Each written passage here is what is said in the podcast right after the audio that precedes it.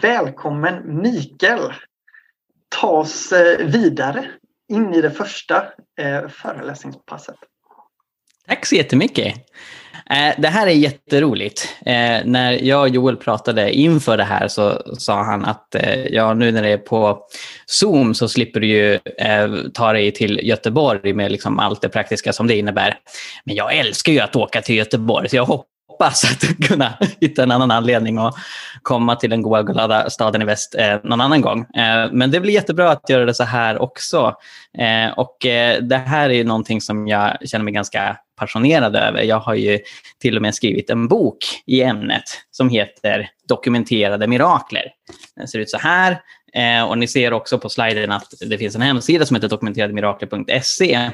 Där kan man också ta, få tillgång till en podd som är gratis, eh, som, eh, där, där eh, vi går igenom mirakler och intervjuar människor som har upplevt vad de anser vara mirakler. Eh, och eh, det finns artiklar, blogginlägg, lite allt möjligt gott där. Så om man vill dyka djupare så kan man eh, kolla in den hemsidan. Eh, men jag tänker att vi, vi hoppar rakt in i att prata om vad, vad helande mirakler egentligen är och om vi verkligen kan verifiera att det är någonting som sker på riktigt. Eh, när jag var eh, liten eh, så gick jag ofta till kyrkan tillsammans med mina föräldrar. De båda är präster i Svenska kyrkan. Och då uppfattade jag mirakler som någonting som var exklusivt för Jesus. Jag uppfattade Jesus som Stålmannen. Eh, och sättet vi kunde se att han är Guds son, det var att han gjorde mirakler. Men jag trodde att han var den enda i, i världshistorien enligt Bibeln som gjorde mirakler. Sen när jag själv blev kristen vid 15 års ålder och började läsa Bibeln själv så förstod jag att så är det inte riktigt, utan jag, Jesus är Guds son och gjorde mirakler. Men han menar ju att även hans lärjungar att de kristna ska få uppleva liknande grejer. Eh, så Jesus säger i Matteus 10 till sina lärjungar, där ni går fram ska ni predika att himmelriket är nära. Och ni ska bota sjuka, uppväcka döda, göra spetälska rena och driva ut onda andar. Det ni har fått som gåva ska ni ge som gåva. Och vi ser senare i Jakobsbrevet till exempel hur efter Jesu död, uppståndelse, himmelsfärd, allt det där, eh, så fortsätter de tidiga kristna att eh, praktisera att, att eh, be för helande. Är någon bland er sjuk, skriver Jakob, ska han kalla på församlingens äldste. De ska be över honom och smörja honom med olja i Herrens namn och trons bön ska bota den sjuke och Herren ska resa upp honom. Det finns förstås många andra bibelord att titta på också, men jag tror att en hel del känner till att Bibeln hävdar att Gud kan göra mirakler eh, och att Gud kan göra mirakler i respons till kristnas bön. Så när jag insåg att det här är det Bibeln hävdar, då ställde jag mig en fråga som jag insett att jag är långt ifrån ensam om att ställa. Om det är så fantastiskt att Gud kan gripa in och bota människor, var är bevisen för det? Hur kan vi verifiera att det här verkligen har hänt? Eh, så för mig så, så räckte det inte med att bara höra berättelser om eh, mirakler idag, även om sånt hade ett visst värde förstås. Jag tyckte det var häftigt att, att höra sådana. Eh, men eh, jag var ganska skeptisk av mig när, när jag stötte på sådana påståenden. Och första gången jag stötte på det eh, berodde på att jag var lat när jag googlade. Jag hade i den Svenska kyrkliga församlingen som min mamma tog mig och min syster till sett en liten bössa till Svenska kyrkans mission. Och jag var nyfiken på vad, vad är det för någonting. Så när jag kom hem och satte mig vid datorn, för det här var på tiden när man inte kunde använda internet på telefonen, så sökte jag på mission. Och då kom jag till en missionsorganisation som inte alls var Svenska kyrkans mission, utan som tillhörde pingströrelsen. Och de hävdade att blinda ser, döva hör, lama går ute på missionsfältet i Afrika. Jag tänkte wow, det där känner jag igen. Liksom, de, de formuleringarna från Bibeln känner jag igen. Eh, men, men jag hade just den inställningen, okej, okay, om det är så fantastiskt att, att sådana här spektakulära helande mirakler sker ute på missionsfältet, var är bevisen? Och det är det som jag tänkte vi, vi skulle fokusera på idag. Kan man använda vetenskap för att verifiera mirakler och hur ser det ut i så fall? Jag skulle vilja börja med att prata om näbbdjur. Och inte bara för att de är söta, vilket de är, utan för att de utgör ett typexempel på hur viktigt det är att vi är medvetna om Vad är det för bevis vi efterfrågar och hur anser vi oss kunna ta reda på om någonting faktiskt har skett eller ej? Näbbdjuren bor ju som flera av er vet i Australien. Och Australien har det bott människor i hur länge som helst, men europeer upptäckte Australien ganska nyligen på 1700 och 1800-talen. Eh, så europeiska forskare intresserades för, för Australiens flora och fauna och inte minst näbbdjuret. Eh, så europeiska zoologer insåg ganska snabbt att det här är ett däggdjur därför att eh, näbbdjuret diar sina ungar. Det är därifrån ordet däggdjur kommer, det är djur som diar. Eh, men sen så hävdade både Australiens urbefolkning men även då vissa australiensiska europeer att de här näbbdjuren lägger ägg. Och responsen från eh, forskarkåren hemma i, i Storbritannien och resten av Europa eh, var att australiensarna eh, var, var dumma i huvudet. Eh, därför att definitionen av däggdjur eh, under tidiga 1800-talet var ett djur som diar och föder sina ungar. Så om ett djur är ett däggdjur, då lägger det inte ägg per definition.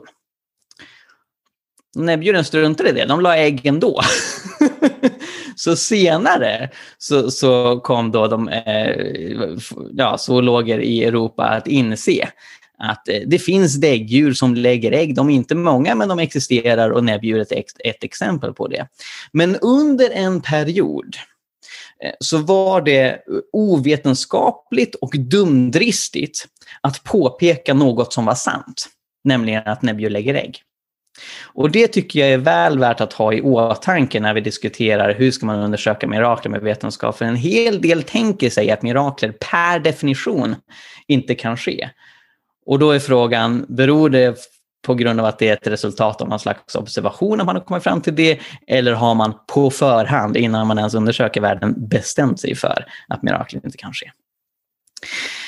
Jag skulle också vilja prata lite om Spindelmannen. Nu när vi har täckt näbbdjuren så är det dags för Spiderman att få sin del av, av den här presentationen. Och anledningen till att jag vill ta upp Spindelmannen det är att jag vill kommentera ett sätt som en hel del, inte minst eh, ateister, skeptiker, naturalister som menar att mirakel inte finns, tänker sig när det gäller bevisföring. Ett väldigt populärt citat som eh, populariserades av forskaren Carl Sagan är att extraordinära händelser kräver extraordinära bevis. Så man hävdar att någonting fantastiskt har skett, då gäller det att ens eh, bevisbörda är eh, lika fantastisk för att man faktiskt ska ha grund att tro det. Och det används inte minst om mirakler. Så tankegången är om du hävdar att en människa som var blind kan se igen, inte genom en operation eller medicinering utan bara på grund av bön. Då gäller det att du har mirakulösa, fantastiska bevis för att kunna backa upp det. Nå, jag menar att det här påståendet är fel och det är ganska enkelt att visa med hjälp av Spindelmannen. Spindelmannen i Marvels cinematiska universum spelas av en kille som heter Tom Holland. Eh, och Tom eh, är britt. Sen är han väldigt duktig som skådespelare att eh, fejka en amerikansk accent, men han har bott i Storbritannien hela sitt liv. Så när Tom Holland fick rollen som Spindelmannen eh, så föreslog han för eh, sina överordnade på Marvel Studios att han skulle kunna åka till USA och vara i en amerikansk high school för att få en känsla av hur det är att vara den riktiga Spindelmannen som är en kille i New York. Eh, och Marvel tog honom på allvar så de gav honom ett fejkat namn och satte honom en vecka på en skola i Bronx. Och när han var där eh, så misstänkte tjejen som satt bredvid honom i klassrummet att det är något lurt med den här killen. Hon, hon köpte inte liksom att, att han bara dyker upp från ingenstans. Så hon vänder sig till honom under en lektion och säger lite lågmält så att läraren inte ska höra. What's your thing man? What's going on? Och eh, Tom svarar, You wanna know my secret? I'm Spiderman. Ja, hon var inte så förtjust i det. Hon, hon, tyckte att han var en idiot. Eh, så han gick över till sin normala brittiska accent och, och sa No, actually I'm an actor. I come from England and I'm, I'm here for a week and I'm, I'm trying to get the vibes of how it is to be an American high school student. Hon trodde fortfarande att han bara var full med massa skit och, och att, att, han bara höll på att trolla henne. Liksom. Så hon köpte inte där. Och, och hur, han, hur mycket han än försökte, hon köpte inte liksom att, att han var någon slags skådespelare som spelat Spindelmannen. Och, och det kan man ju förstå. För det är inte så många som spelar Spindelmannen i liksom mångmiljonsimperiet som är Marvel Studios. Det är bara Tom, han är den enda som gör det i hela världen. Så sannolikhetsmässigt om en person som sitter bredvid det i klassrum säger att jag är den enda i världen som, som spelar Spindelmannen i liksom riktiga storfilmer, eh, så, så kan man ju köpa liksom att ja, men förmodligen så ljuger den personen. Det är helt enkelt en extraordinär händelse att jag råkar sitta bredvid den enda Spindelmannen som finns i hela världen. Men krävs det extraordinära bevis för att Tom ska faktiskt eh, kunna leda i bevis att han är Spindelmannen, eller att han spelar det. Men grejen är, han lyckades ju inte med, med bara ord övertyga henne om att han var Spindelmannen. Men sen så gick det några månader och eh, filmen Spiderman Homecoming kom till bio, affischer sattes upp både här i Sverige och i USA. Eh, och, och, jag kan absolut tänka mig att den här tjejen såg en reklam för den här filmen och, och förhoppningsvis insåg ah, jag satt bredvid Spindelmannen, han talade sanning. Eh, kanske till och med gick hon och, och, såg filmen och ser Tom Holland svinga omkring i sin löjliga röda pyjamas. Okej, okay, okay, han, han talar sanning. Men om det räckte för att hon skulle bli övertygad, då krävs ju inte extraordinära bevis för att man ska bli övertygad om att en extraordinär händelse har hänt. Då krävs bara goda bevis. Och, och, och, I så fall stämmer ju inte det här att, att extraordinära bevis skulle krävas. Nå, vad är extraordinära bevis i Spindelmannens fall? Jag vet inte. Kanske att eh, hon verkligen för att vara säker på sin sak inte nöjer sig med att se den här biofilmen utan hon gör DNA-test på suddgum och pennor som Tom kom i kontakt med och sen åker hon över till England till Toms barndomshem och jämför det med saker som finns där. Men inte bara det, hon måste ju kunna utesluta att Tom inte har en hemlig tvilling som i själva verket var den som satte sig bredvid henne på den där amerikanska high school. Så hon måste liksom göra ordentlig släktforskning och gå till sjukhusen och verkligen utröna hur, hur det står till med det där. Och, och liksom om, om hon går till den nivån, då börjar hon närma sig extraordinära bevis, men det känns ganska onödigt. Så jag tänker att det krävs goda bevis även för att etablera extraordinära händelser. Som filosofen William Lane Craig har sagt med åsyftning till Jesu uppståndelse, som ofta faller offer för eh, det här påståendet att man kan inte tro på att en extraordinär uppståndelse har skett om man inte har extraordinära bevis. Men det vi behöver för att säga att en uppståndelse från döden har, har hänt, det är bevis för att någon är död och bevis för att någon lever. Och båda de grejerna är relativt enkla att bevisa. Det är lite svårare när det skett för 2000 år sedan, men liksom konceptuellt så är det liksom inget extraordinärt med det. Jag skulle också vilja ta upp eh, den spegelvända frågan. Hur kan vi bevisa att mirakler inte sker?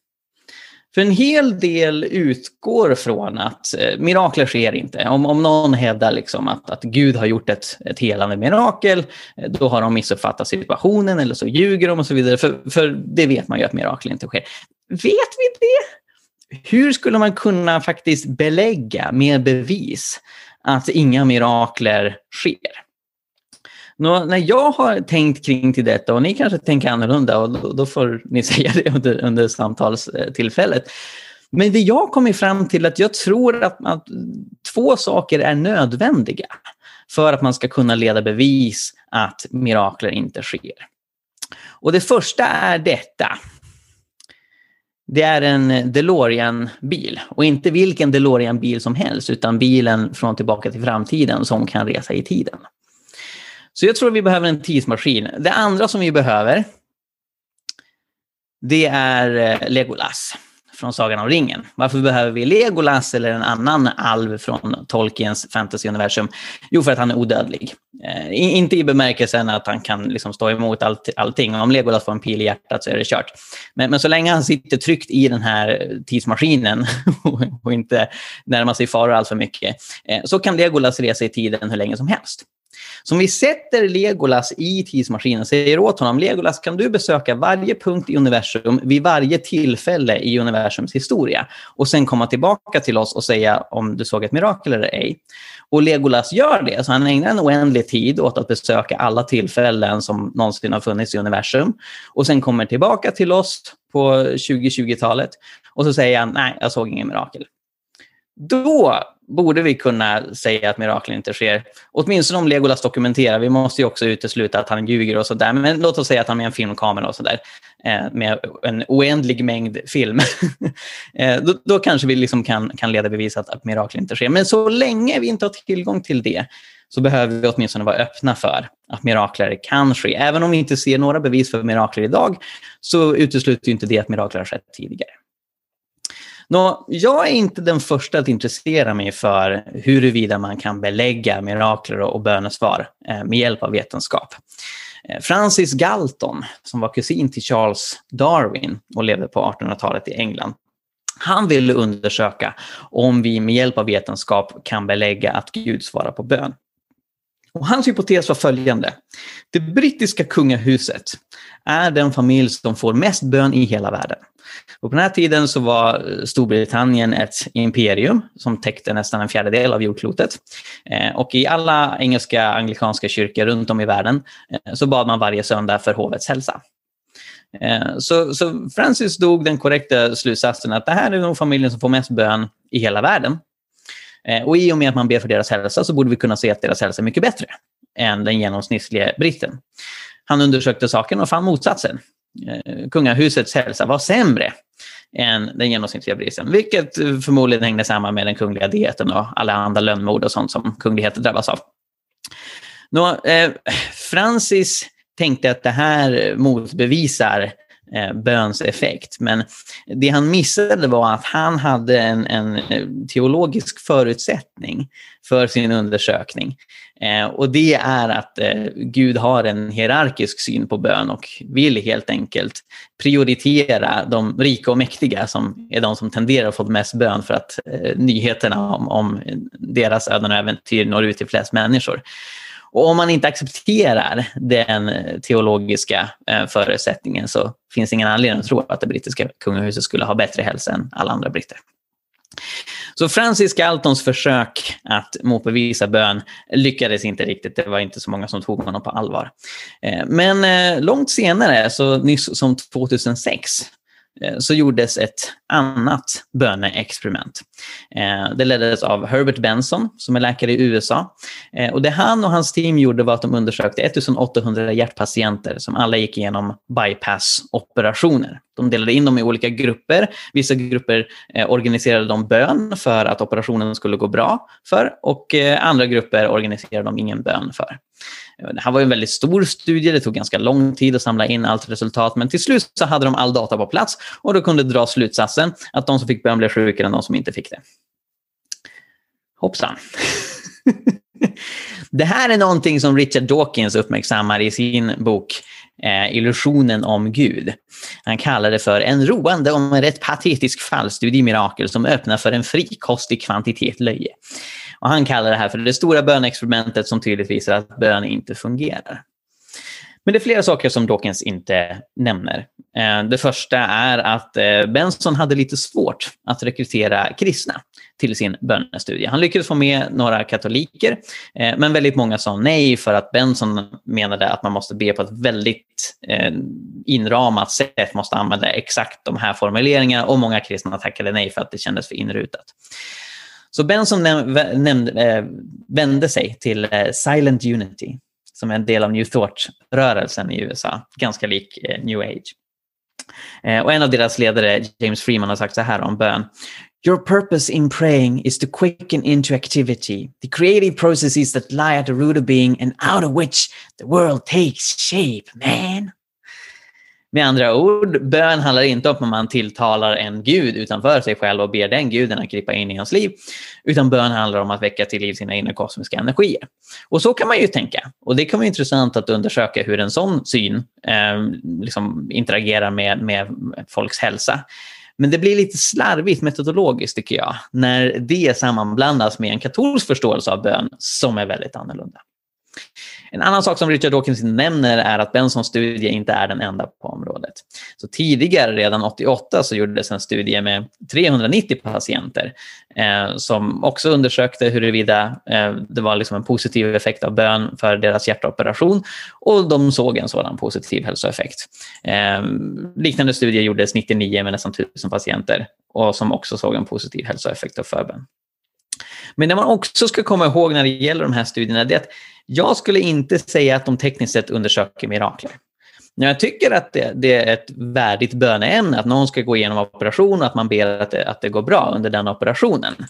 Men jag skulle inte säga att det nödvändigtvis är mirakulöst att man går igenom operation och, och det inte blir några komplikationer. Utan jag förstår mirakler som övernaturliga fenomen. Alternativt uttryckt händelser som inte enbart beror på naturliga processer.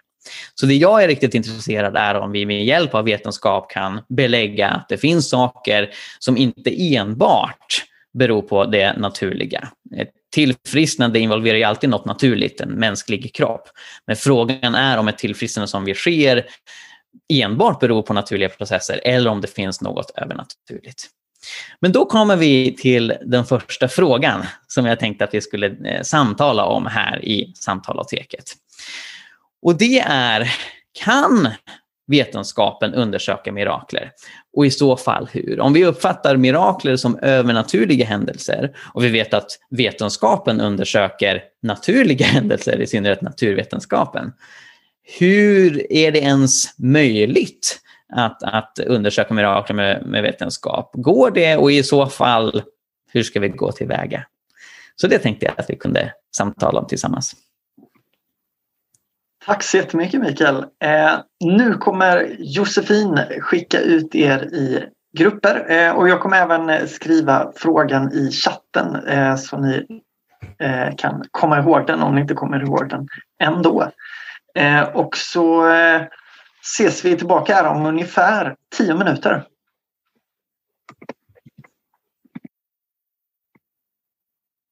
Yes, eh, jag hoppas att det blev eh, bra intressanta samtal kring den här frågan om vetenskapen kan undersöka mirakler. I så fall hur?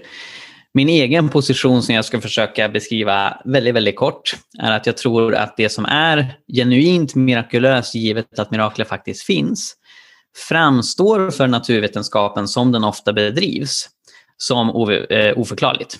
Eh, så om vi med vetenskapliga metoder upptäcker något som de facto är ett mirakel så kommer vetenskapsmännen inte nödvändigtvis säga det är ett mirakel. De kommer säga det här finner vi ingen vetenskaplig förklaring till.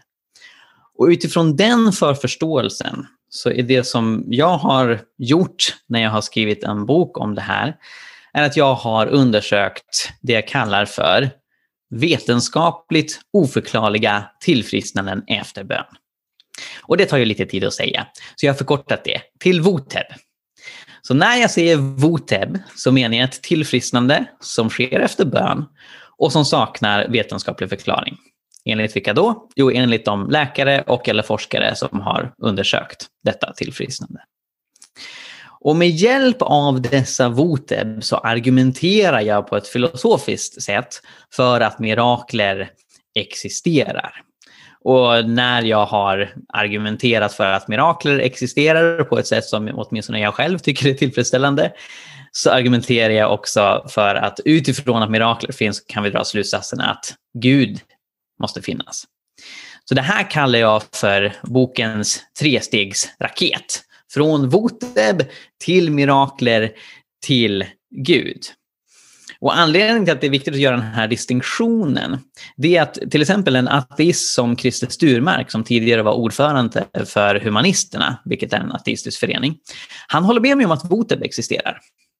Han tror inte att mirakler finns, han tror inte att Gud finns, eh, man håller med om att det finns tillfrisknande som sker efter bön och saknar vetenskaplig förklaring. Så utifrån Voteb så kan man hitta en gemensam grund, både som mirakeltroende som skeptiker, och sen diskutera, okej, okay, vad drar vi för slutsatser utifrån dessa tillfrisknanden? Hur kan vi komma fram till att, att mirakler eh, är det som ligger bakom? Så innan vi går in på den diskussionen, liksom, hur går man från Voteb till mirakler och sen vidare till Gud, så undrar jag om någon här är nyfiken på, ja men hur ser det ut med tillfrisknande som saknar vetenskaplig förklaring? Har du möjligtvis några exempel, Mikael? Ja, det har jag. och jag tänkte vi ska ta upp några sådana. Så vi börjar med att åka till Afrika tillsammans med professor Candy Gunther Brown som är professor i religionsvetenskap vid Indiana University. Hon undersökte 2009 tillsammans med några läkarkollegor syn och hörselnedsatta som fick förbön i Mosambik av missionärer från en missionsorganisation som heter Iris Global. Och resultaten av dessa observationer publicerades i en medicinsk tidskrift som heter Southern Medical Journal. Eh, hon publicerade senare i mer utförlig detalj i sin bok Testing Prayer som gavs ut på Harvard University Press. Och det var ganska dramatiska resultat som hon och läkarna kunde redovisa där. Nu jag hoppas nu att ingen här är allergisk mot eh, statistik och diagram och sådana saker, för det här är ju direkt importerat från en, en riktig akademisk vetenskaplig artikel. Och eh, i normala fall när jag liksom är ute i den fysiska världen och pratar, då har jag med mig en laserpekare. Eh, men jag vet inte hur man gör det i Zoom, så, så ni, ni, får försöka hänga med när jag beskriver vad ni ska titta på. Och då vill jag att ni för era ögon eh, upp till, eh, uppe till höger, eh, där ni ser massa staplar. De är svarta och vita och randiga. Och de här staplarna de beskriver förändringen i hörselnedsättning. Men titta, här kommer en liten pil. Eh, de, de beskriver förändringen i hörselnedsättningen hos de som undersökte inom ramen för den här studien. Ju högre stapel, desto sämre hörde personen. Alltså, desto fler decibel krävdes i hörlurarna de fick sätta på sig för att de skulle kunna uppfatta någonting. Så hög stapel innebär dålig hörsel, låg stapel innebär bra hörsel.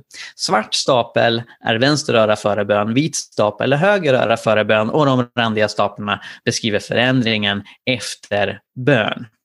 Och ni ser att i flera fall så går det neråt. Om ni till exempel kollar på det som anges som 8H5, vilket är det andra exemplet från höger, så hade vi före bön en hörselnedsättning på omkring 95 decibel över vanlig hörselnivå som sen gick ner till 40 decibel eh, efter eh, över vanlig hörselnivå. Tack så jättemycket för pilarna Johan, det hjälper verkligen. Du är min laserpekare ikväll. Nå, det man ska komma ihåg är att decibelskalan är en logaritmisk skala. Vilket innebär att 20 är 10 gånger större än 10 och 30 är 10 gånger större än 20 och så vidare. Så en förändring från då 95 decibel av vanlig hörselnivå till 40 decibel av vanlig hörselnivå, eh, det är en tiotusenfaldig Eh, för, förbättring. Eh, så det, det, är ganska rejäla förbättringar som, som man kunde se då i flera av de här fallen. Vissa såg man inte någon, någon tydlig förändring alls, men i andra fall så såg man ganska dramatiska förbättringar i hur folk kunde höra. Sen så skulle jag vilja att ni eh, koncentrerar er på det liknande diagrammet nere till höger. Och, och, det är väldigt liknande. Det visar förändringen i synnedsättning hos de som undersöktes. Precis. Så svart stapel är synnedsättning före bön, vit stapel hög, eh, är eh, synnedsättning efter bön. Och det är samma princip här, ju högre stapel desto sämre såg de. Och där kan ni se väldigt tydligt va? att i flera av dessa fall så skedde dramatiska förbättringar. I några fall skedde ingen förbättring alls, eller så var förbättringen väldigt liten. Medan i andra fall så var det väldigt, väldigt, väldigt dramatiska förbättringar eh, som skedde i synnedsättningen hos dessa människor. Eh, och Candy Gunde Brown konstaterar att det finns ingen eh, etablerad medicinsk vetenskaplig förklaring till detta. Eh, faktum är att hon jämför resultaten som de har sett i sin studie med andra studier när man försöker undersöka har eh, placebo, suggestion, hypnos hälsoeffekter. Eh, och de hälsoeffekter som man i andra studier har kunnat uppmäta med sådana tekniker är mycket, mycket lindrigare och, och mindre än vad man kunde se eh, när de här missionärerna bad för helande. Allt det här är ju lite svartvitt och tråkigt och akademiskt och så vidare. Så för att få lite kött på benen så tänkte jag att vi kunde prata om en av personerna som var med i den här studien. Eh, det är inte hon på bilden, jag har ingen bild på henne, hon heter Martin. Eh, på bilden eh, däremot så finns ehm, en vit kvinna som ni ser som heter Heidi Baker. Och hon var missionären som bad för Martin. Så därigenom är bilden rättfärdiggjord menar jag. Eh, Martin eh, var faktiskt föremål för båda de här studierna, för hon led både av syn och hörselnedsättning. Före bön så kunde hon inte höra 100 decibel av vanlig hörselnivå på något öra.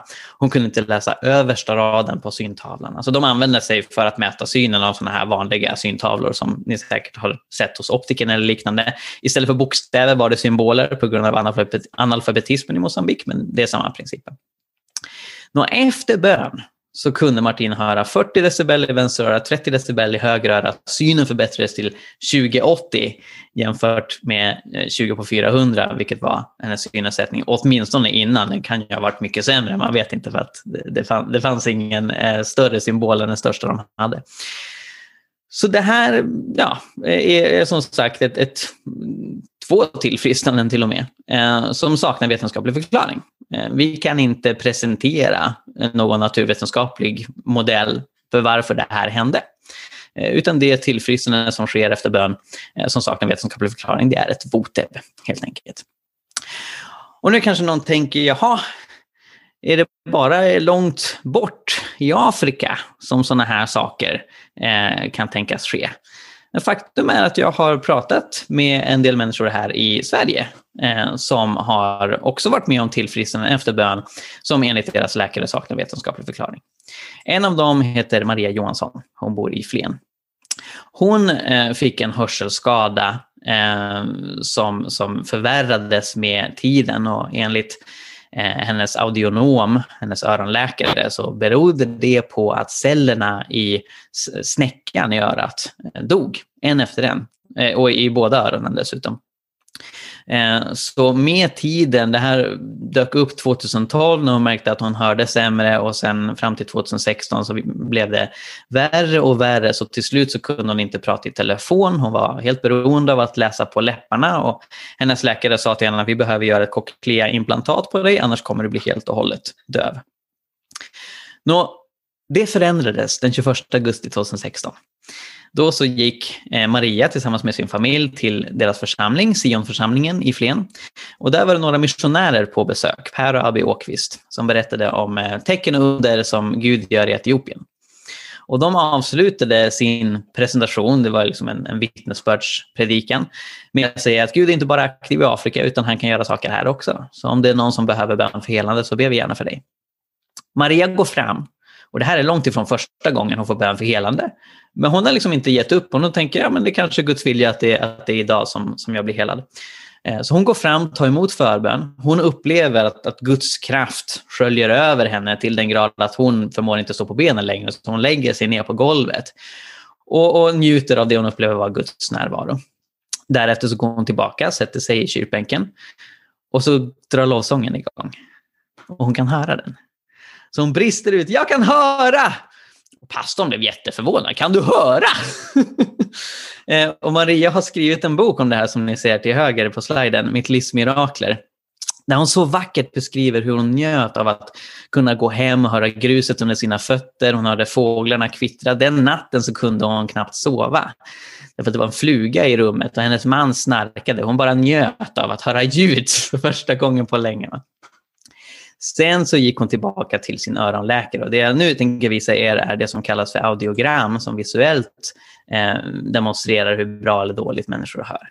Till vänster har vi Marias audiogram från maj 2016 och som allra bäst så kunde hon på vänstra öra höra 50 decibel över vanlig hörselnivå. Eh, men sen eh, så var, var, det värre på, på flera andra punkter och eh, den, den eh, Eh, vågräta linjen, x-axeln, eh, mäter olika frekvenser, liksom, graden av hur, hur högt ett ljud är så att säga.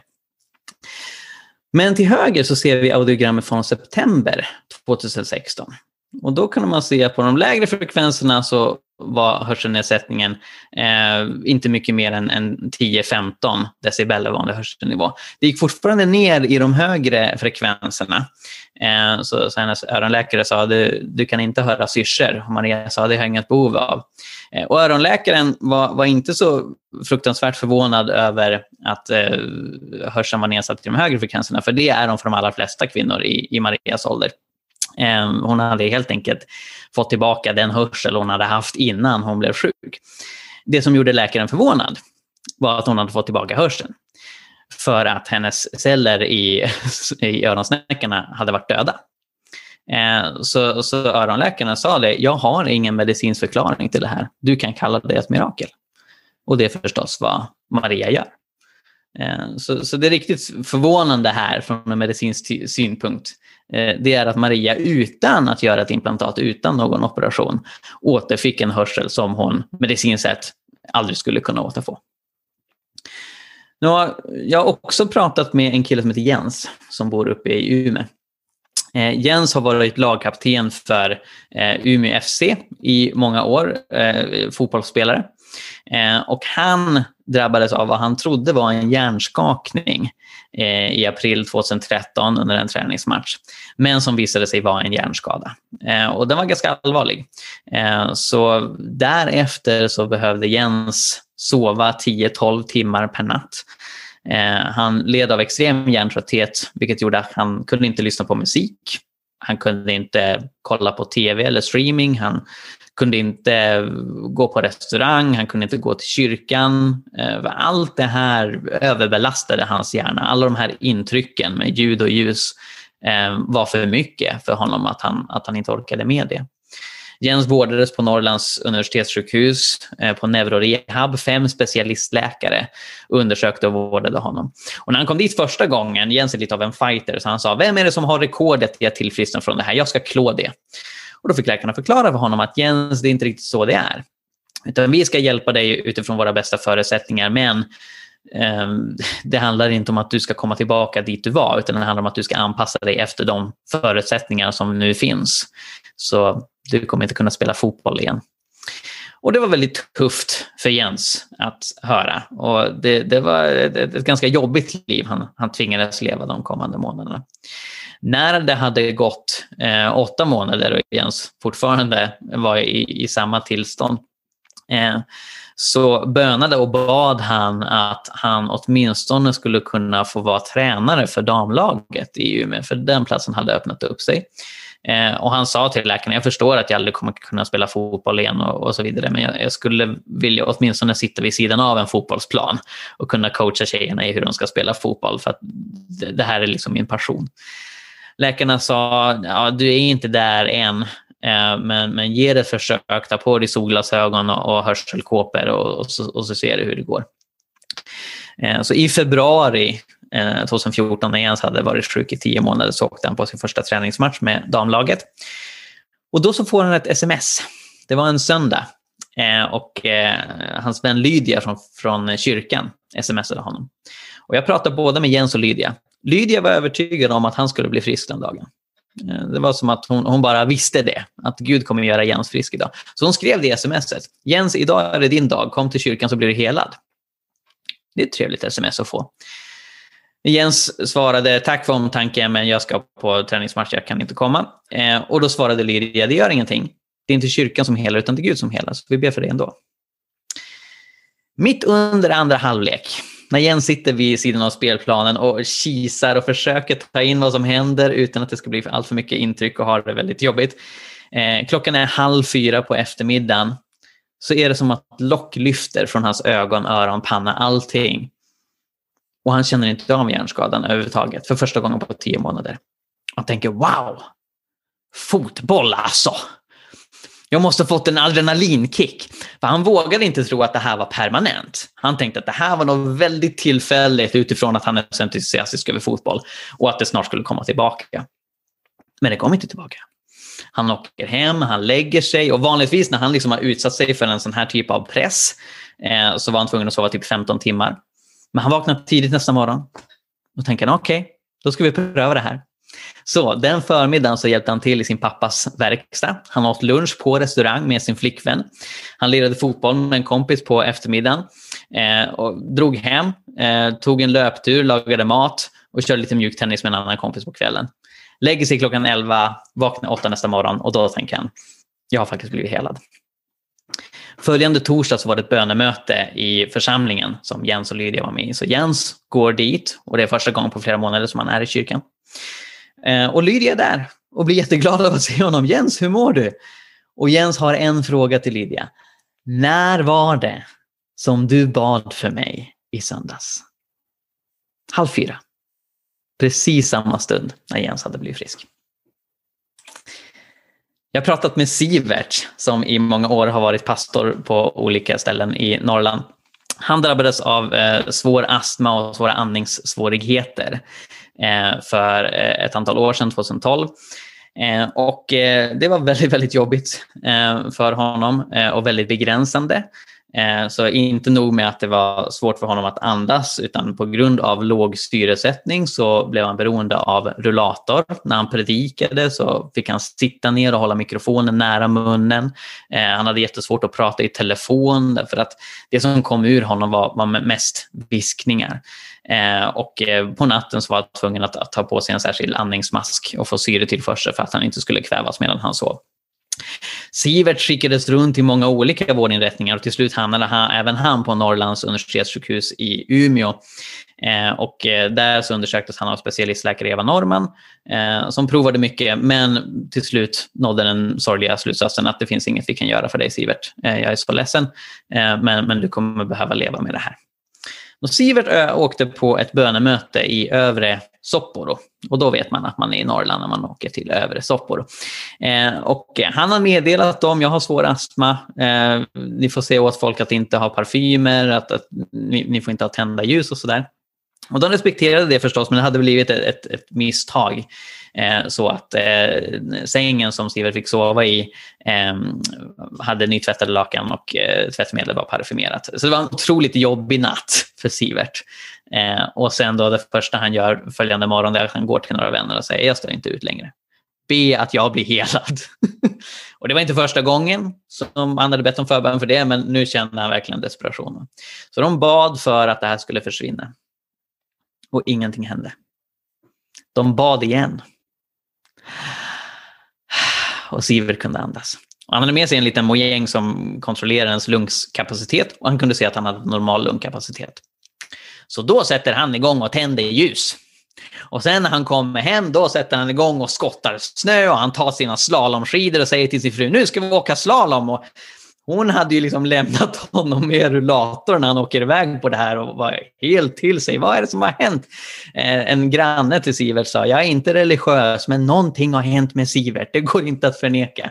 Och även Eva Norman på Norrlands universitetssjukhus var fascinerad över detta. Hon skrev i journalen, han har bett till Gud och fått hjälp av Jesus. Och han har inga besvär längre. Hon hade inga medicinska vetenskapliga förklaring till detta, utan detta är också ett exempel på ett vetenskapligt oförklarligt tillfrisknande efter bön. Jag har kommunicerat via mail med en man som heter Ben som bor i USA. Han blev påkörd av en bil när han var sju år gammal. 11 centimeter av eh, skelettet krossades och for ut. Eh, och eh, det, det, var otroligt allvarligt. Ett tag såg det ut som att de skulle behöva amputera benet men de gipsade och hoppades eh, på det bästa men de räknade med att, att Ben eh, skulle vara halt eh, resten av sitt liv. Eh, hans ehm, föräldrar var, var mycket engagerade i den lokala pingstförsamlingen, eh, organiserade bönemöten för honom. Eh, på ett av dessa bönemöten så ser hans mamma en syn av hur Gud kommer och placerar in nytt skelett inuti benet. På ett annat bönemöte så känner Ben hur det blir varmt och rör sig inuti gipset. De kommer tillbaka till läkaren eh, och läkaren tar nya röntgenbilder och säger eh, det här är, eh, vi, vi, tog, vi råkade ta på fel ben. Och, och de sa nej, det syns väldigt tydligt vilket ben det är som, som har varit påkört. Det är det som har haft gips på sig. Eh, och, och då sa han i så fall är det fel pojke. Därför att bilderna matchade inte. Eh, den, den, bild som de hade tagit efter olyckan visade ett eh, ben där det saknades 11 cm skelett. Eh, och den bild som de hade nu visar ett intakt skelett som aldrig har varit brutet. Så man, man kan ju se spår av liksom brutna ben på, på röntgen normalt. Eh, men bilden till höger har inte varit brutet. Eh, så det hade de ingen vetenskaplig förklaring till. Medan förstås Bens förklaring är att Gud gjorde ett mirakel. Sen har jag också pratat med en man som heter Bengt, som precis som Maria bor i Flen.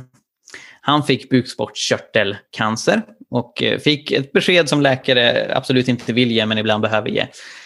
Du kommer inte överleva den här cancern. Det finns inget vi kan göra. Eh, så hans läkare som heter Johan Raud eh, sa till honom, ta och avsluta ditt liv.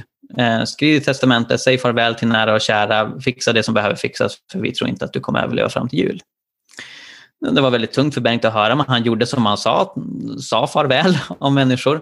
Och Bengt bars i bön, alltså nästan hela stan eh, höll jag på att säga, men väldigt många i stan bad för honom. Bengt är lite av en profil i Flen, han var engagerad i kommunpolitiken i många år, många kände till honom. kom hem en annan kommunpolitiker till Bengt och sa, jag tror inte på Gud, men jag ber för dig. Eh, så, det var väldigt många som bad eh, för Bengt eh, och när han gick tillbaka på rutinkontroll så fanns det inte längre kvar någon cancer. Eh, och Bengt har gett mig tillåtelse att, att visa utdrag eh, från hans journal.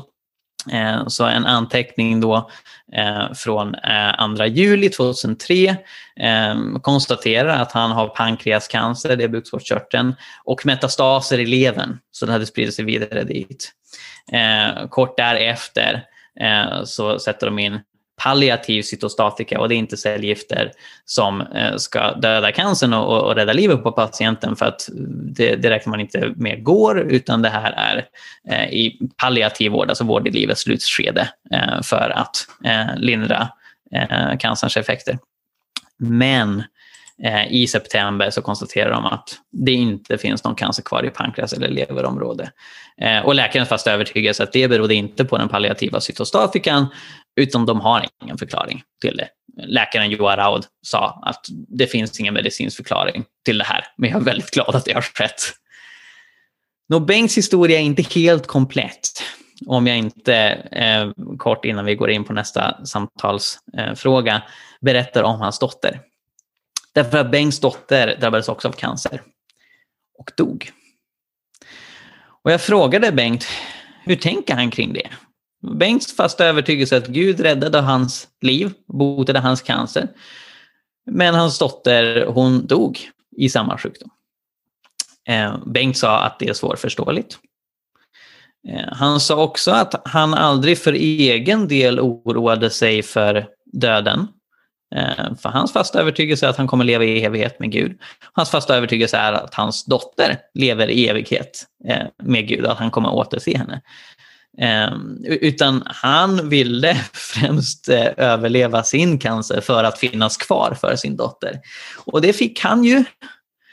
Men naturligtvis, så allra helst hade han ju sett att hon skulle överleva det här. Hon som hade många fler år ehm, framför sig. Eh, så, så det här aktualiserar en av de vanligaste frågor som jag får när jag är ute och pratar om det här och som jag tänker att vi ska prata om tillsammans. Varför blir inte alla helade? Eh, en, en skeptiker kommer förstås säga ja, ingen blir helad, det, det finns inget helande. men, men, låt oss säga att det Bibeln säger är sant, att, att helande existerar, att Gud kan gripa in och göra mirakel. Varför gör han inte det för alla? Varför utrotar han inte all sjukdom eh, som finns? Varför blir vissa helade för eh, vad man kan tycka är små eh, sjukdomar eller skador eh, medan andra som kanske har betydligt värre och, och, och, får lika mycket bön inte blir helade från det? Så det tycker jag är en fråga värd att eh, samtala om här i Samtaliteket. Så, eh, jag förstår att flera av er undrar vad, vad jag tycker om, om den här frågan eller vad jag tänker kring varför alla inte blir helade. Och det är ju väldigt svårt att, att hantera den frågan kortfattat. Eh, men, men, om jag ändå ska försöka vara väldigt kortfattad, jag kan tänka mig att vi kommer komma in på det här mer i, i slutet, men när det finns utrymme för fler frågor och så vidare. Så dels så tror jag att vad helst man väljer att peka på som faktorer kring uteblivna bönesvar generellt, inklusive bön för helande, liksom saker som synd, eh, oförlåtelse eller det är inte Guds plan just då och så vidare. vad, vad helst man väljer att liksom peka på, och man kan peka på ganska många sådana faktorer, eh, så, så, behöver man göra en skillnad på en sån generell princip och att koka ner det till ett individuellt fall. Det vill säga, även om jag kan säga som generell princip att liksom, vad ska man säga, chansen för bönesvar ökar med, med liksom ett, ett genuint lärjungaskap som är villiga att göra uppoffringar, eh, så kan jag inte säga att ja, individ X som inte blev helad, det var på grund av exakt det här. Liksom om jag inte har fått någon väldigt extremt tydlig uppenbarelse kring vad just som ligger bakom det här uteblivna bönesvaret, så då är jag väldigt, väldigt försiktig eh, med det. Och ytterligare en aspekt som jag tror är väldigt nyttig att, att komma ihåg, för den här frågan aktualiseras framför allt, eh, tycker jag, när man har bett mycket för en person eh, för helande och personen blir inte frisk utan tvärtom dör. Det gäller till exempel Bengts dotter. Men som Bengt var medveten om, det den dottern upplever är evigt helande. Så någonstans är de helanden som eh, Jesus och lärjungarna sprider runt sig en försmak på något mycket större. Uppenbarelseboken talar om att mitt i paradiset står livets träd, vars frukt ger evigt liv och vars blad ger läkedom åt folken. Så Bibeln utlovar liksom helande åt alla som är villiga att gå in i det riket. Eh, och, och, det vi upplever nu är en försmak. Men det finns fortfarande liksom en upplevd orättvisa. Liksom, den personen blir hela, den personen blev inte. Liksom, vi, vi ber väldigt mycket. Så det, det, är på intet sätt någon, någon, slags, vad ska man säga, definitiv förklaring. Eh, men jag tror det är en aspekt som är nyttig att ha med sig. Att, att någonstans eh, är vi sjuka och är i Kristus så kommer vi bli helade. Vi vet inte om det sker i det här livet eller om det sker i evigheten. Men Bibelns löfte är att helandet kommer. Och det, det, tror jag kan vara nyttigt att påminna sig om. Men som sagt, vi, vi kanske plockar upp den här bollen senare också, för det är en stor fråga. Nu tänker jag ta och avsluta min presentation. Och eh, jag har ju då demonstrerat flera fall av Voteb.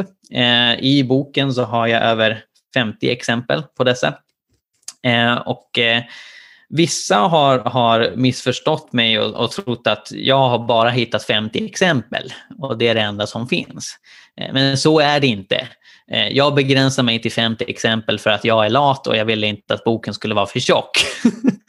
Eh, men en studie som gjordes 2004 i USA visar att 55 procent av amerikanska läkare har observerat att de upplever vetenskapligt oförklarliga tillfrisknanden, alltså bot.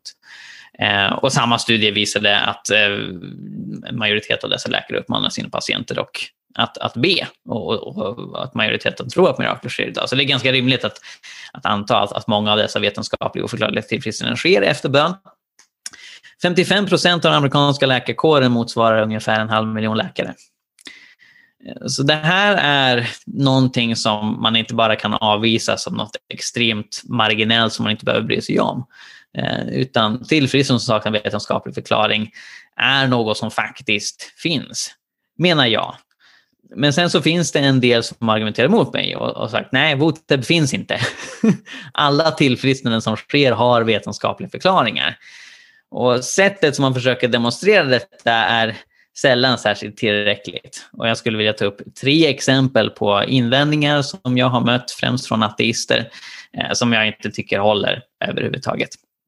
Den första av dessa invändningar det är att tillfrisknanden som vi upplever var vetenskapligt oförklarliga, det beror i själva verket på placeboeffekten. Och placeboeffekten är väldigt intressant. Eh, det är en effekt som gör att man mår bättre av att tro att man får vård. Eh, så själva övertygelsen att nu är det någon som hjälper mig och, och ger mig vård gör att man mår bättre. Och det här observerades redan på 1700-talet och används bland annat i vetenskapliga sammanhang när man ska testa ett vaccin eller medicinering och så vidare. Man prövar det mot placebo där vaccinet är vatten och pillret eller medicinen eh, är, är ett sockerpiller. Eh, och, så ser man vad är den egentliga effekten av läkemedlet Eh, vad är bara liksom folks förväntan av att nu kommer jag må bättre för att jag får vård. Grejen med placebo är att det inte är magi. Eh, så jag har sett på många ateister som verkar ha större tro på placebo än många kristna har på Gud. Placeboeffekten kan inte göra att eh, döda celler i öronsnäckan eh, kommer tillbaka. Placeboeffekten kan inte förinta cancer. Eh, och placeboeffekten kan inte göra att en synnedsatt person får tillbaka synen. Utan det placeboeffekten gör, det är en psykosomatisk effekt eh, som, som eh, liksom hänger samman med hjärnans aktiviteter. Så det kan lindra smärta, yrsel, depression i vissa fall ett tag. Och sen kommer det tillbaka. Och det finns väldigt många studier som, som visar detta. Placeboeffekten är inte permanent. Eh, så en person som har blivit frisk från någonting och fortsätter vara frisk har inte liksom, utsatts för placeboeffekten så att säga. Eh, utan där är någonting annat som har hänt. Eh, så placeboeffekten kan man inte ange som förklaringen till, till dessa boter. Vilket är själva anledningen till att läkarna säger det här är vetenskapligt oförklarligt snarare än att de skulle säga det är placeboeffekten. För läkare har väldigt bra koll på placeboeffekten. De vet vad det är. Så när de säger att, att något saknar vetenskaplig förklaring, då har de redan uteslutit placeboeffekten.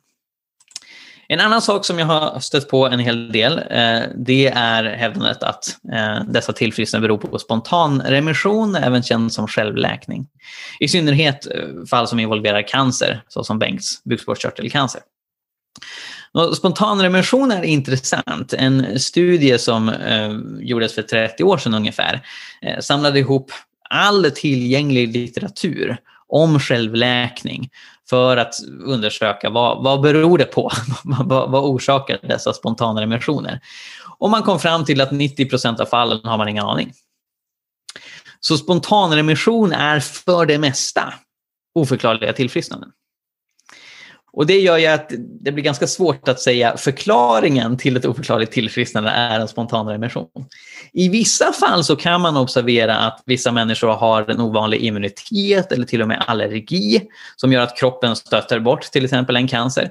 Eh, men i de allra flesta fall när människor eh, blir friska och läkarna säger att det är en spontan remission, då vet de inte anledningen. Det man vet, eller är väldigt säker på, det är att de inte blev friska på grund av vården man har gett. Och då ligger det väldigt nära till hands att säga att det är kroppen som har läkt sig självt. I synnerhet om en läkare eller medicinsk forskare använder sig av det som kallas för metodologisk naturalism, där man utgår från metodologiskt att det inte finns något övernaturligt. Ja, då är det inte mycket kvar man kan peka på. Om man vet att det inte är vården eller medicineringen och sådana saker och personen ändå blir frisk, då ligger det ganska nära till hands att säga att det beror på kroppen men i de flesta fall beror det inte på att man faktiskt har observerat en mekanism i kroppen som gjorde personen frisk. Utan det är samma sak som ett oförklarligt tillfrisknande. Ytterligare en sak som förvånansvärt många skeptiker har hävdat eh, i respons till min bok, eh, det är att eh, de, dessa boter beror på läkarmisstag. Eh, så läkarna har antingen ställt fel diagnos från början, personen hade inte den sjukdom eller åkomma som man trodde, eller när de säger att personen har blivit frisk utan vetenskaplig förklaring så begår de en miss. Eh, antingen för att det fanns en vetenskaplig förklaring eller för att personen inte blev frisk. Och Det är klart att läkare är människor och människor kan göra misstag. Det, det är inte något som jag förnekar. Men jag, jag, känner mig väldigt skeptisk till den här invändningen. Därför jag tycker inte att man verkligen kan, kan driva den på ett konsekvent sätt. Jag tror de flesta av oss har ändå någon slags tilltro till att sjukvården för det mesta gör eh, det, det, det den begriper. Va? Eh, om, om vi är övertygade om något annat, då, då borde vi springa från ambulansen när de kommer efteråt och akta oss för sjukhus eh, så, så gott det bara går. Eh, men, men även om det finns saker man kan kritisera i vården så tror jag att, att väldigt många av oss ändå känner att om, om, om det är någon som ska försöka bota mig så ska det vara en läkare snarare än en rörmokare. Om man säger så. Eh, jag tycker det blir ganska inkonsekvent då av en skeptiker att när det gäller läkares observationer som går ut på att det saknas vetenskaplig förklaring, då ska man direkt hoppa till de begriper inte vad de har gjort, de har begått misstag här. Medan man normalt sett fäster en stor tilltro eh, till läkarvetenskapen. Alternativt så har man ingen tilltro till läkarvetenskapen alls.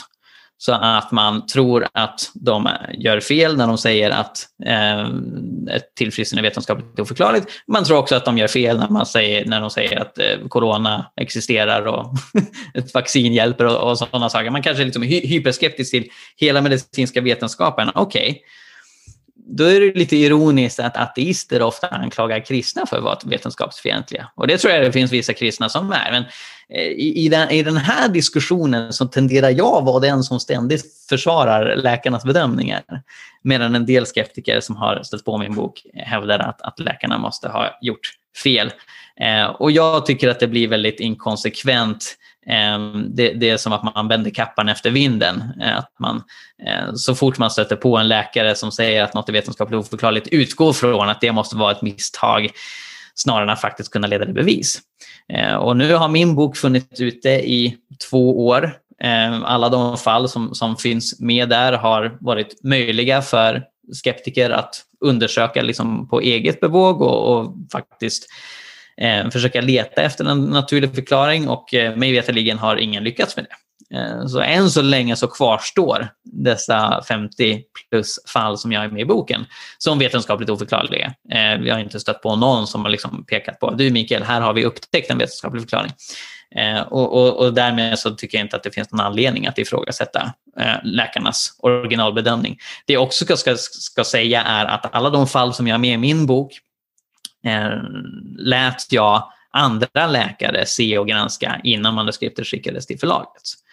Så ovanpå att flera av dessa fall redan från början undersöktes av flera läkare när liksom tillfrisknandet väl skedde, Eh, till exempel Jens tillfrisknande som involverade fem specialistläkare. Eh, så ovanpå det har jag dessutom låtit eh, ett ytterligare gäng läkare titta på detta. Eh, så jag är ehm, väldigt trygg i att dessa bedömningar är korrekta, att de tillfrisknanden som åtminstone jag har med i min bok, de saknar vetenskaplig förklaring enligt den läkarmedicinska kunskap som vi har idag. Så detta gör att enligt mig så finns det egentligen bara två möjliga förklaringar till VOTEB. Det ena eh, är att det beror på okända naturliga fenomen. Det vill säga, det finns naturliga förklaringar till dessa tillfrisknanden. Vi har bara inte upptäckt dem än. Och den andra, enda möjliga logiska förklaringen, det är att det beror på övernaturliga fenomen, vilket är min definition av mirakler. Så när jag satte mig ner med ateisten Christer Sturmark ehm, eh, och redovisade eh, några exempel på VOTEB och hade med mig exempel på journalutdrag och så vidare. Så som jag nämnde, han hade ingenting att invända mot att VOTEB finns. Han, han trodde lika mycket som jag att ja, dessa tillfrisknande saknar vetenskaplig förklaring. Men han var övertygad om att det finns naturliga förklaringar som vi inte har hittat. Och han menar att vi kanske aldrig hittar dem. Men de finns där. och jag frågade varför tror du det? Och han sa jag är naturalist. Det är min världsbild. att det bara finns naturliga saker och, och, och inget övernaturligt. Så denna invändning skulle jag vilja ägna mina sista minuter åt att diskutera. Och min enkla tes som jag driver i boken, det är att om man tänker sig att vi sprider ut alla VOTEB som vi har, och som sagt, det finns långt fler än 50. Eh, det finns tusentals, eh, verkar det som. Så om vi tänker att vi sprider ut dem på den röda linjen som ni ser här. Och vissa hamnar liksom i okända naturliga fenomen, andra möjligtvis i övernaturliga fenomen. Och, och, och eh, Christer Sturman skulle säga att 100% hamnar längst till vänster. Liksom. Alla är okända naturliga fenomen. Medan en annan kanske skulle säga att ja, det är kanske 80% som är naturliga fenomen, 20% är mirakler. Vad man än väljer liksom, att, att placera dessa VOTEB så menar jag att det mest sannolika spektrat som faktiskt är det som gäller, det är det som är mellan 1 och 99 procent.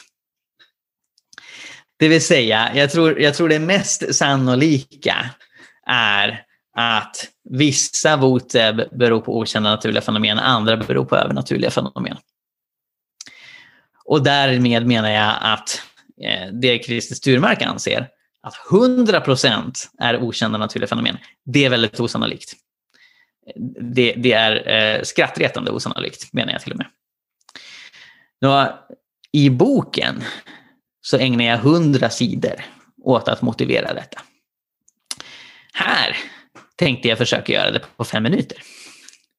Och det är fem anledningar som jag har till varför jag anser att det mest sannolika är att vissa voteb är mirakulösa medan andra beror på okända naturliga fenomen. Så här kommer de.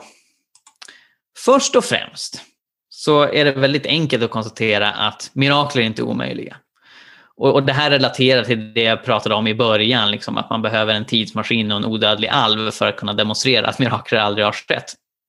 Det finns filosofer som har försökt eh, argumentera för att, att mirakler är konceptuellt omöjliga, att det finns någon slags logisk motsägelse i att, i att något mirakulöst sker. Eh, och, och, det inkluderar bland annat Voltaire från 1700-talet och Sveriges egen Ingmar Hedenius som var filosofiprofessor här i Uppsala. Men de allra flesta eh, filosofer idag är eniga om att eh, deras försök har fullständigt misslyckats. Eh, ateisten J.L. Mackie har sagt att det är absurt att tro inte kan ingripa i världen om han finns. Och även som ateist så är Mackie väldigt öppen med att det finns en möjlighet att Gud finns. Han säger inte att, att Guds existens är omöjlig, därigenom är miraklers existens inte heller omöjliga. Christer Sturmark håller med om att ja, det är möjligt att mirakler sker. Han tror inte att mirakler de facto sker, men han hävdar inte att mirakler är omöjliga. Så utifrån det så har vi ja, de här två alternativen. Är det okända naturliga fenomen eller övernaturliga fenomen? Båda de alternativen måste vara med i diskussionen. Vi kan inte utesluta övernaturliga fenomen genom att hävda att de är omöjliga för att ingen filosof har lyckats visa att det skulle vara så. Eh, och jag tror inte att det går att visa att mirakler skulle vara omöjliga. Mitt andra skäl är att naturalismen har en uppförsbacke eh, i den här debatten. Och Det handlar just om att det en naturalist, vilket är en person som förnekar miraklers existens, måste hävda är att alla voteb beror på okända naturliga fenomen. Medan en mirakeltroende som jag själv, jag behöver inte säga att alla voteb är mirakler.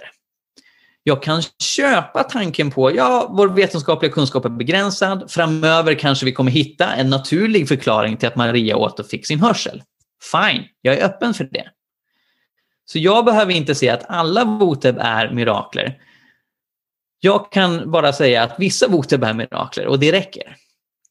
Faktum är att någon som är betydligt mer skeptisk än mig till och med skulle kunna säga att det finns ett voteb som är mirakler och alla andra beror på okända naturliga fenomen. Och även om så är fallet så finns mirakler. Så det mirakeltroende har väldigt brett spektrum här och, och, kan nöja sig med allt ifrån att hävda att det bara finns ett mirakel i världshistorien till att, att vissa är det, att, att det är väldigt många. Allt det är tillgängligt. Medan för naturalisten så, så kan man inte skänka ett enda votum till mirakelsidan av debatten, utan man måste claima allt för sig själv. Man måste claima att alla votum eh, beror på okända naturliga fenomen. Och att redogöra för ett fall är enklare än att redogöra för alla. Eh, så här har naturalismen ofrånkomligen en uppförsbacke. Så redan från början, innan vi tittar på detaljerna, så finns det en obalans här som gynnar den mirakeltroende mer än naturalisten. Sen så skulle jag säga att okända förklaringar i allmänhet betraktas som osannolika. Och vad menar jag med det? Jo, om vi frågar oss varför är det varmt och ljust på dagen? Är det på grund av solen eller på grund av ett okänt fenomen? Så tror jag att de flesta av er skulle säga att det är på grund av solen. Och så kan det ju vara. Eh, men det är ju inte liksom logiskt omöjligt att det kanske är varmt och ljust av någon helt annan anledning. Och solen råkar bara vara uppe samtidigt, men det är bara en slump. Det kan man ju tänka sig. Men jag skulle, jag skulle inte säga att, att någon betraktar det som särskilt sannolikt. Om någon hävdar liksom, att anledningen till att det är ljust och varmt det är något helt annat som jag inte har något bevis för och jag vet inte vad det är. Och jag kan inte ge något argument för det, för jag har ingen aning om vad det är. Men det är definitivt det, det är inte solen. Jag tror inte att någon av oss skulle känna oss särskilt övertygad av det. Men det är i princip en sån argumentation en naturalist behöver föra för att förklara Voteb. Voten beror på något okänt naturligt och vi vet inte vad det är för det är okänt. Och vi kan inte ge några argument eller bevis för det för vi vet inte vad det är. Men det är definitivt det som det beror på. Och jag skulle säga att redan där så har vi en anledning att ifrågasätta huruvida det faktiskt är en trolig förklaring. Sen så ser Voteb väldigt olika ut. Så i boken har jag bland annat tillfrisknande från blindhet, dövhet, hjärnskada, allergi, cancer, ALS och MS som både är obotliga med mera. Eh, och det här uttrycker liksom en enorm bredd. Faktum är att det är vissa voter som jag stötte på som jag inte tog med i boken för att de var för lika saker jag redan hade. Så jag har liksom försökt visa att det finns en, en väldigt mångfaldig typer av sjukdomar och skador som folk blir friska från efter bön på ett sätt som saknar vetenskaplig förklaring.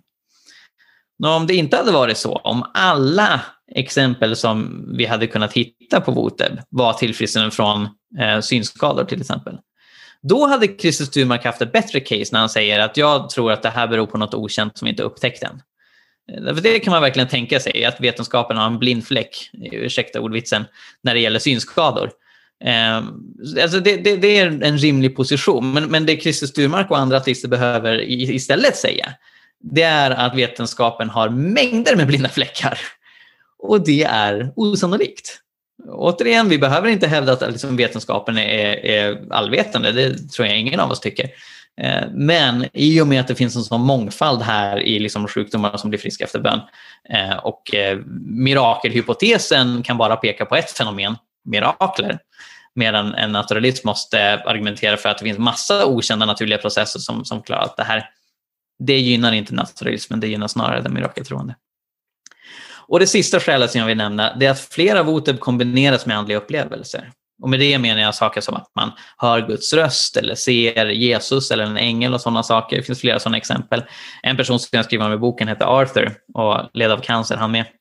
Eh, han upplevde mitt i natten hur det kommer in en eh, figur, en, en människogestalt som lyser och som uppmanar honom att läsa från Nehemjas bok och gav kapitel och vers. Och sen stänger dörren efter sig och går därifrån. Arthur tar upp sin bibel, läser den här bibelversen och den eh, lyder “Du är inte sjuk”.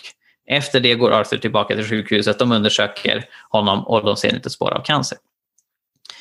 Nå, när detta kombineras så blir det väldigt eh, spännande. Va? För att normalt så skulle en skeptiker säga ja men en sån liksom andlig upplevelse det är bara en hallucination. Arthur hade ätit en stark pizza kvällen innan eller sånt där. Han bara inbillade sig. Okej, okay, fine.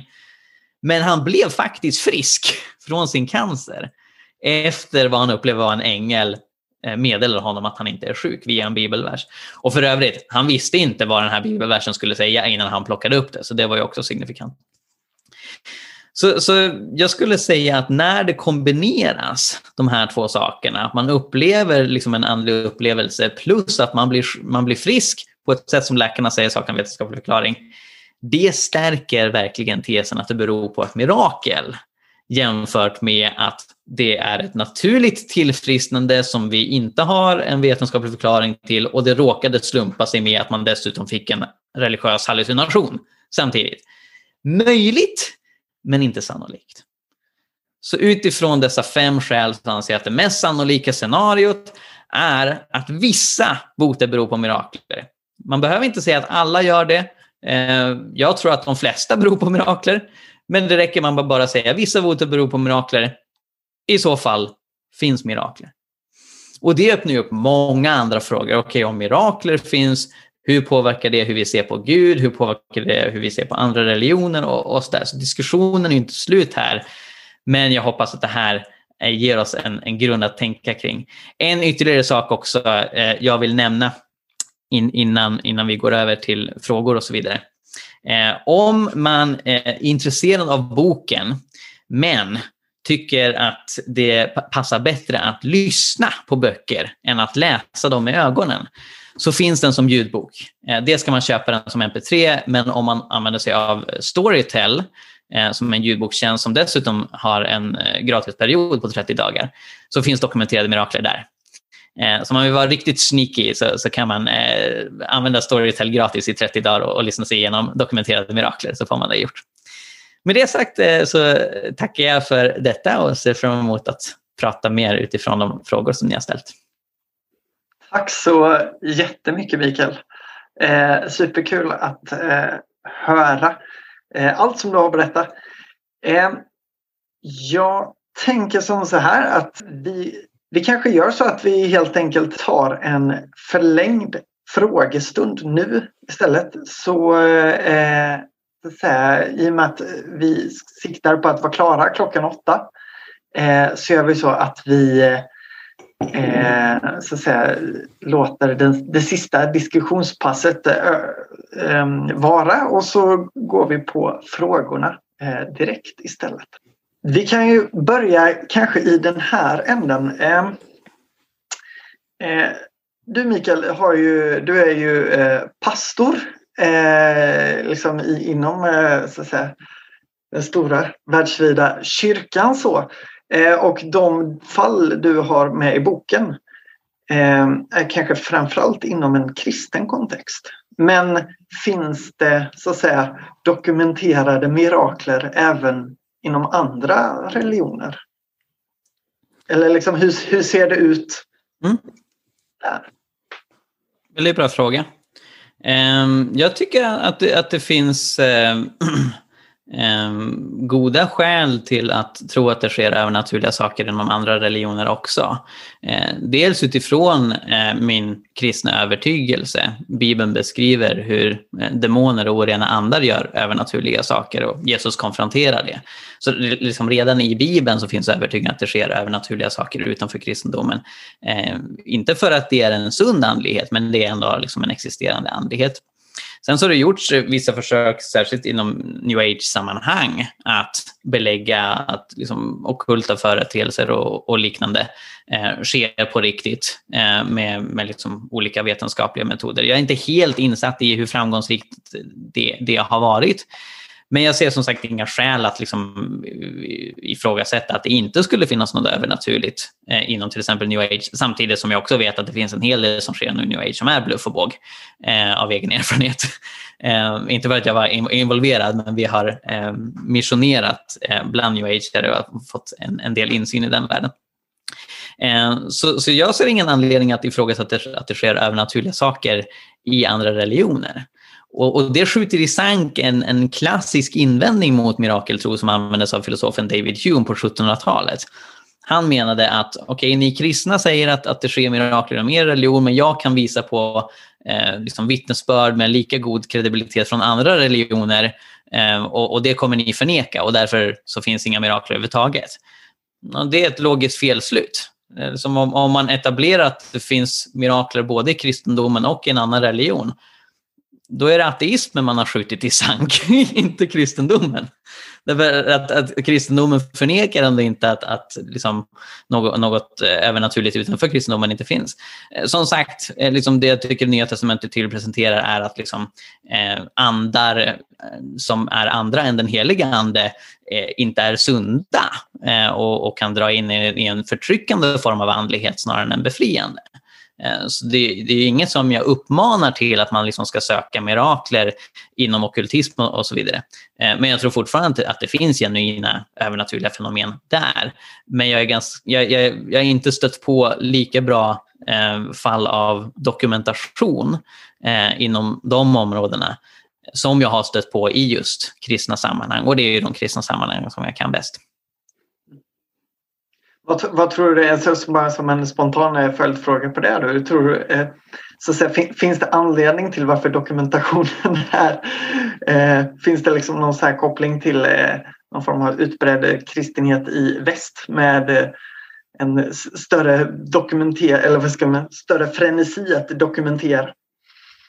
Eller? Ja, alltså modern, modern vetenskap är ju i mångt och mycket ett ett, eh, resultat av kristet tänkande. Eh, och sen lite senare liksom, ateistiskt tänkande, men det var ju kristna som la grunden till, till modern vetenskap. Så liksom sättet som vi bedriver vetenskap idag hänger mycket samman med en kristen världsbild. Och det finns en teori som jag lyfter i boken som är väldigt intressant, nämligen att eh, den Alltså det, det, sätt som vetenskap ofta bedrivs på universitet eh, liknar domstolsförhör lite grann. Eh, att att eh, man ska lägga fram en tes och så kommer en opponent och argumenterar emot det och sen är det en jury som ska bedöma det. Eh, och eh, det finns en forskare som heter eh, Simon Copfield, tror jag han heter, som menar att det här är i, i rakt nedstigande led så att säga ett resultat av de katolska processerna för att legitimera och verifiera att, att mirakler har skett. De började i samband med reformationens kritik av att eh, helgonberättelser bygger bara på myter och sagor. Så började de verifiera huruvida mirakler faktiskt har skett i samband med helgons liv. Och, det är en praxis som de fortsätter bedriva än idag. Eh, och ta hjälp av, av läkares och vetenskapsmäns bedömningar för att säga att mirakel har skett. Och den processen är väldigt juridisk. Man använder sig av det som bokstavligen kallas för djävulens advokat som argumenterar emot att, att helgonet är ett helgon och att mirakler faktiskt har skett. Och sen så får då då eh, vetenskapsmän och experter eh, redogöra för huruvida fenomen som de har sett har vetenskaplig förklaring eller ej. Och, och enligt då den här forskaren, jag har inte fått det bekräftat någon annanstans ifrån, men han, han menar att eh, det sen har lett vidare till hur vi bedriver vetenskap rent allmänt. Och det är jättefascinerande om liksom en viktig hörnsten i hur vi bedriver vetenskap är undersökningar efter mirakler. Och det pekar på att den traditionella bilden av att vetenskap och mirakler skulle vara liksom motsatta poler inte stämmer, utan det finns ett mer intimt samband där. Eh, en annan fråga som har eh, kommit in. Eh, I, I ditt möte med människor som inte har en tro, lite mer så här sekulär gemene man. Hur brukar de vanligtvis ställa sig till liksom, mirakler och förekomsten av mirakler? Väldigt många frågar efter bevis. Mm. Så, så, det är en viktig anledning till varför jag skrev boken. Alltså jag, jag skrev boken dels med åtanke till mitt yngre jag. För som jag nämnde, när, när jag stötte på de här påståendena som, som 15 och 16-åring så undrade jag direkt, men var är bevisen? Eh, så. Och, och jag, jag, tror att det finns en hel del andra som liksom har en tro, men som vill se, okej, okay, är, är det bara liksom rövarhistorier och liksom anekdoter eller fin, finns det något mer substantiellt här? Så dels skrev jag boken med, med åtanke på eh, kristna som, och andra troende som undrar om, om det faktiskt finns någonting här. Eh, men sen så skriver jag också boken eh, för att jag har stött på många ateister och skeptiker som säger okej, okay, ni hävdar att det sker mirakler, var är bevisen? Eh, och det jag märkte, alltså jag har, har, pratat ganska mycket med ateister och skeptiker under mina dagar. Jag har, eh, alltså i, I vår församling Mosaik så har vi varit ute och evangeliserat när det inte är pandemi eh, minst en gång i veckan. Eh, och dessutom har jag varit involverad i andra eh, evangelisationsorganisationer såsom Pankokkyrkan och de senaste tio åren pratat med ja, tusentals, bokstavligen, eh, skeptiker. Eh, och eh, ja, det, det många frågar efter är, är, just om, om det går att verifiera. Liksom, jag, jag, förstår att du tror på, på helande, men vad säger läkarna? Eh, och så där. Sen så har jag ju märkt att, att när man lyfter det här och, och liksom kunna då peka på resurser på dokumenterademirakler.se bland annat, så är det, ju, är det ju många följdfrågor också. Vi har varit inne på, på flera av dem. Ja, men är det inte placeboeffekten eller har läkarna gjort fel och, och så vidare. Eh, men det jag också har märkt att, att många räknar inte med att eh, man ska ha ett svar på det, utan, man, utan de, de, tror att diskussionen är avslutad. Okej, okay, du har inga bevis för det här. Och när, när de märker att okay, det finns mer här än vad jag först trodde, så finns det flera som har uttryckt stor eh, nyfikenhet och, och öppenhet. Eh, en person eh, uppe i eh, Vindeln, där jag var och, och föreläste för något år sedan, eh, sa det att eh, jag, jag har tvivlat ganska mycket på Gud och inte varit säker på om, om han finns. Eh, men jag har verkligen uppskattat eh, det du har skrivit och fått mycket starkare tro av det. Och, och, och det blir jag jätteglad av att höra. Kul. Eh, en eh, lite avslutande fråga här nu då. Eh, du har skrivit eh, den här boken. Det var två år sedan. Eh, hur, mm. vad, vad liksom händer framöver på den här fronten? Eller du ja. pratar lite nu om hur, hur så att säga, eh, mottagandet har varit. Eh, det mm. låter som att det varit eh, väldigt positivt. Eh, men så att säga, vad, vad, händer i debatten och vad ser du framöver? Ja, vad, vilken kul fråga. Alltså när jag började skriva dokumenterade mirakler så hade jag inte intentionen att bara fokusera på helande. Eh, för mirakler kan, kan innebära allt möjligt space. Det ser vi redan i Bibeln och, och det finns påståenden om, om alla möjliga mirakler idag. Eh, så jag, jag, visste att helande skulle vara en, en viktig del av det, men jag ville undersöka andra mirakler också. Och något som jag är otroligt fascinerad över är språkmirakler. När människor antingen talar eller uppfattar språk som de egentligen inte kan. Eh, och eh, jag hade tänkt när jag började skriva boken att inkludera det. Sen märkte jag att jag vann på att fokusera på helande Eh, för att där kan man väldigt tydligt peka på en auktoritet som väldigt många både troende och icke-troende erkänner som en auktoritet, nämligen läkare och deras journaler och läkaranteckningar och sånt där. Så metodologiskt var det väldigt tacksamt att fokusera på helande. Eh, vissa har fått intrycket att, att jag menar att helande är liksom de enda mirakler som finns. Och det säger jag inte, utan det är bara liksom något som jag fokuserar på av enkelhets skull. Eh, men på grund av att jag är så fascinerad av språkmirakler så har jag börjat skriva på en uppföljare till dokumenterade mirakler som heter Språkmirakler. Eh, och min förhoppning är att kunna skriva klart eh, det manuset i höst eller så. Eh, så, så den boken dyker förhoppningsvis upp eh, 2022 eller 2023. Och det är jättespännande. Eh, därför att eh, jag har eh, ja, men, pratat med en hel del människor som menar sig ha upplevt detta, att de antingen själva har talat ett språk som de inte kan och så är det någon annan som uppfattar det, eller att eh, de hör någon prata ett språk som de förstår, men när de pratar med den personen så förstår de att det, det var liksom, eh, inte något som de kunde naturligt. Det man ska vara medveten om det är att det är svårare att övertyga en ateist om en sån typ av mirakel än vad jag tycker att de här helande miraklerna är. För, för när, när, det gäller helande miraklerna så har vi som sagt en gemensam grund eh, med väldigt många skeptiker i och med att man kan peka på dessa tillfrisknanden som enligt läkarna saknar vetenskaplig förklaring. Eh, det, det, är svårare att, att övertyga en skeptiker om ett språkmirakel därför att det är väldigt svårt att bevisa att en person inte kan ett språk. Det, det, går att argumentera för att det är väldigt osannolikt att en person kan ett språk. Som till exempel eh, min vän Rickard Lundgren som är missionär och bor nere i Katrineholm. Eh, han missionerar både i Katrineholm men även eh, i Afrika och Asien via en organisation som heter Gå ut mission. Han åkte till Albanien som 18-åring övertygad om att han skulle predika evangeliet. Och när han är i Albanien så inser han ingen i Albanien pratar engelska eller ens svenska. Så han tänkte, hur ska det här gå till? Eh, och eh, han, han bad lite över det där. Gud, du får hjälpa mig på något sätt. Liksom, du får hitta en, en duktig tolk åt mig eller något sånt där. Eh, sen vaknar han upp en morgon eh, och tittar på klockan på andra sidan rummet. Eh, och så tänker han ordet klocka på albanska som jag inte kan, men han kan det. Han tittar liksom på andra saker, på lampan, på fönstret och så vidare. Och, och, och direkt så liksom är det som att han vet vad det är på albanska. Eh, så han går ut och börjar prata med människor på albanska. Och de svarar honom utan att höja på ögonbrynen. Vissa kommenterar att, att han är en lantis, för han har en väldigt specifik nordalbansk dialekt eh, som, som är ganska bonnig. Eh, så.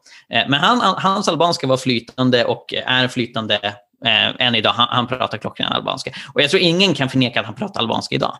Eh, nu har det ju gått ett tag, alltså det här var 89, eh, direkt efter liksom, man kunde komma in i Albanien som svensk. Eh, så, så frågan är ju, liksom, pratar han albanska då? Jag bad honom ge lite källor. Han kunde hänvisa mig till personer som kan intyga att han pratade albanska 89 och i början av 90-talet. Eh, så, så där har vi liksom flera vittnesmål.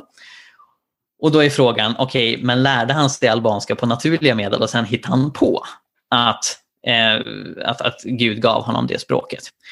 Och, och där skulle jag säga att, att det är ganska rimligt att säga att eh, givet att man är öppen för miraklers existens och inte betraktar mirakler som det absolut mest osannolika man kan tänka sig, Eh, Eh, så, så, borde man betrakta det som osannolikt att Rickard lärde sig albanska via naturlig väg. Eh, för att eh, det gick inte riktigt att lära sig albanska i Sverige på det här tänket. Alltså, Al Albanien var ett otroligt stängt land. Det fanns en albansk-svensk förening för liksom, folk som ville glorifiera kommunismen. Eh, men de hade inte så mycket språkträning där. Eh, så, så, så det, det, det, är ganska, skulle jag säga, liksom, ehm, om man lämnar mirakelfrågan åt sidan så kan man säga att det är väldigt osannolikt att Rickard skulle lärt sig liksom albanska som tonåring och sen ljuger om det resten av livet.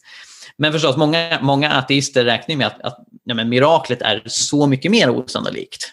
Att vi måste betrakta det som sannolikt att Rickard lärde sig albanska och sen ljuger om det. Eh, och, och för att bemöta det, då är det mycket lättare att peka på de här helande miraklerna som går till vad läkarna säger och så vidare som en gemensam auktoritet. Eh, för någonstans, liksom, en, en person som är övertygad om att ett mirakel är det mest osannolika man kan tänka sig, är ganska fast i den övertygelsen. Eh, fram tills man kan peka på saker som vi som gemensamt är överens om faktiskt har hänt och på så sätt börja luckra upp föreställningar att mirakel skulle vara antingen omöjliga eller extremt osannolika. Det låter som att du, eh, du har arbete framför dig, minst sagt. Men eh, ja, allt lycka till i det arbetet eh, och tack ska ni ha allihopa för att ni var med här på Samtaloteket ikväll. Och med det så tackar vi helt enkelt för ikväll och så ses vi i höst igen på ett eller annat sätt. Eh, om det är digitalt eller fysiskt, det får vi se. Eh, men vi ses i höst. Ha det bra!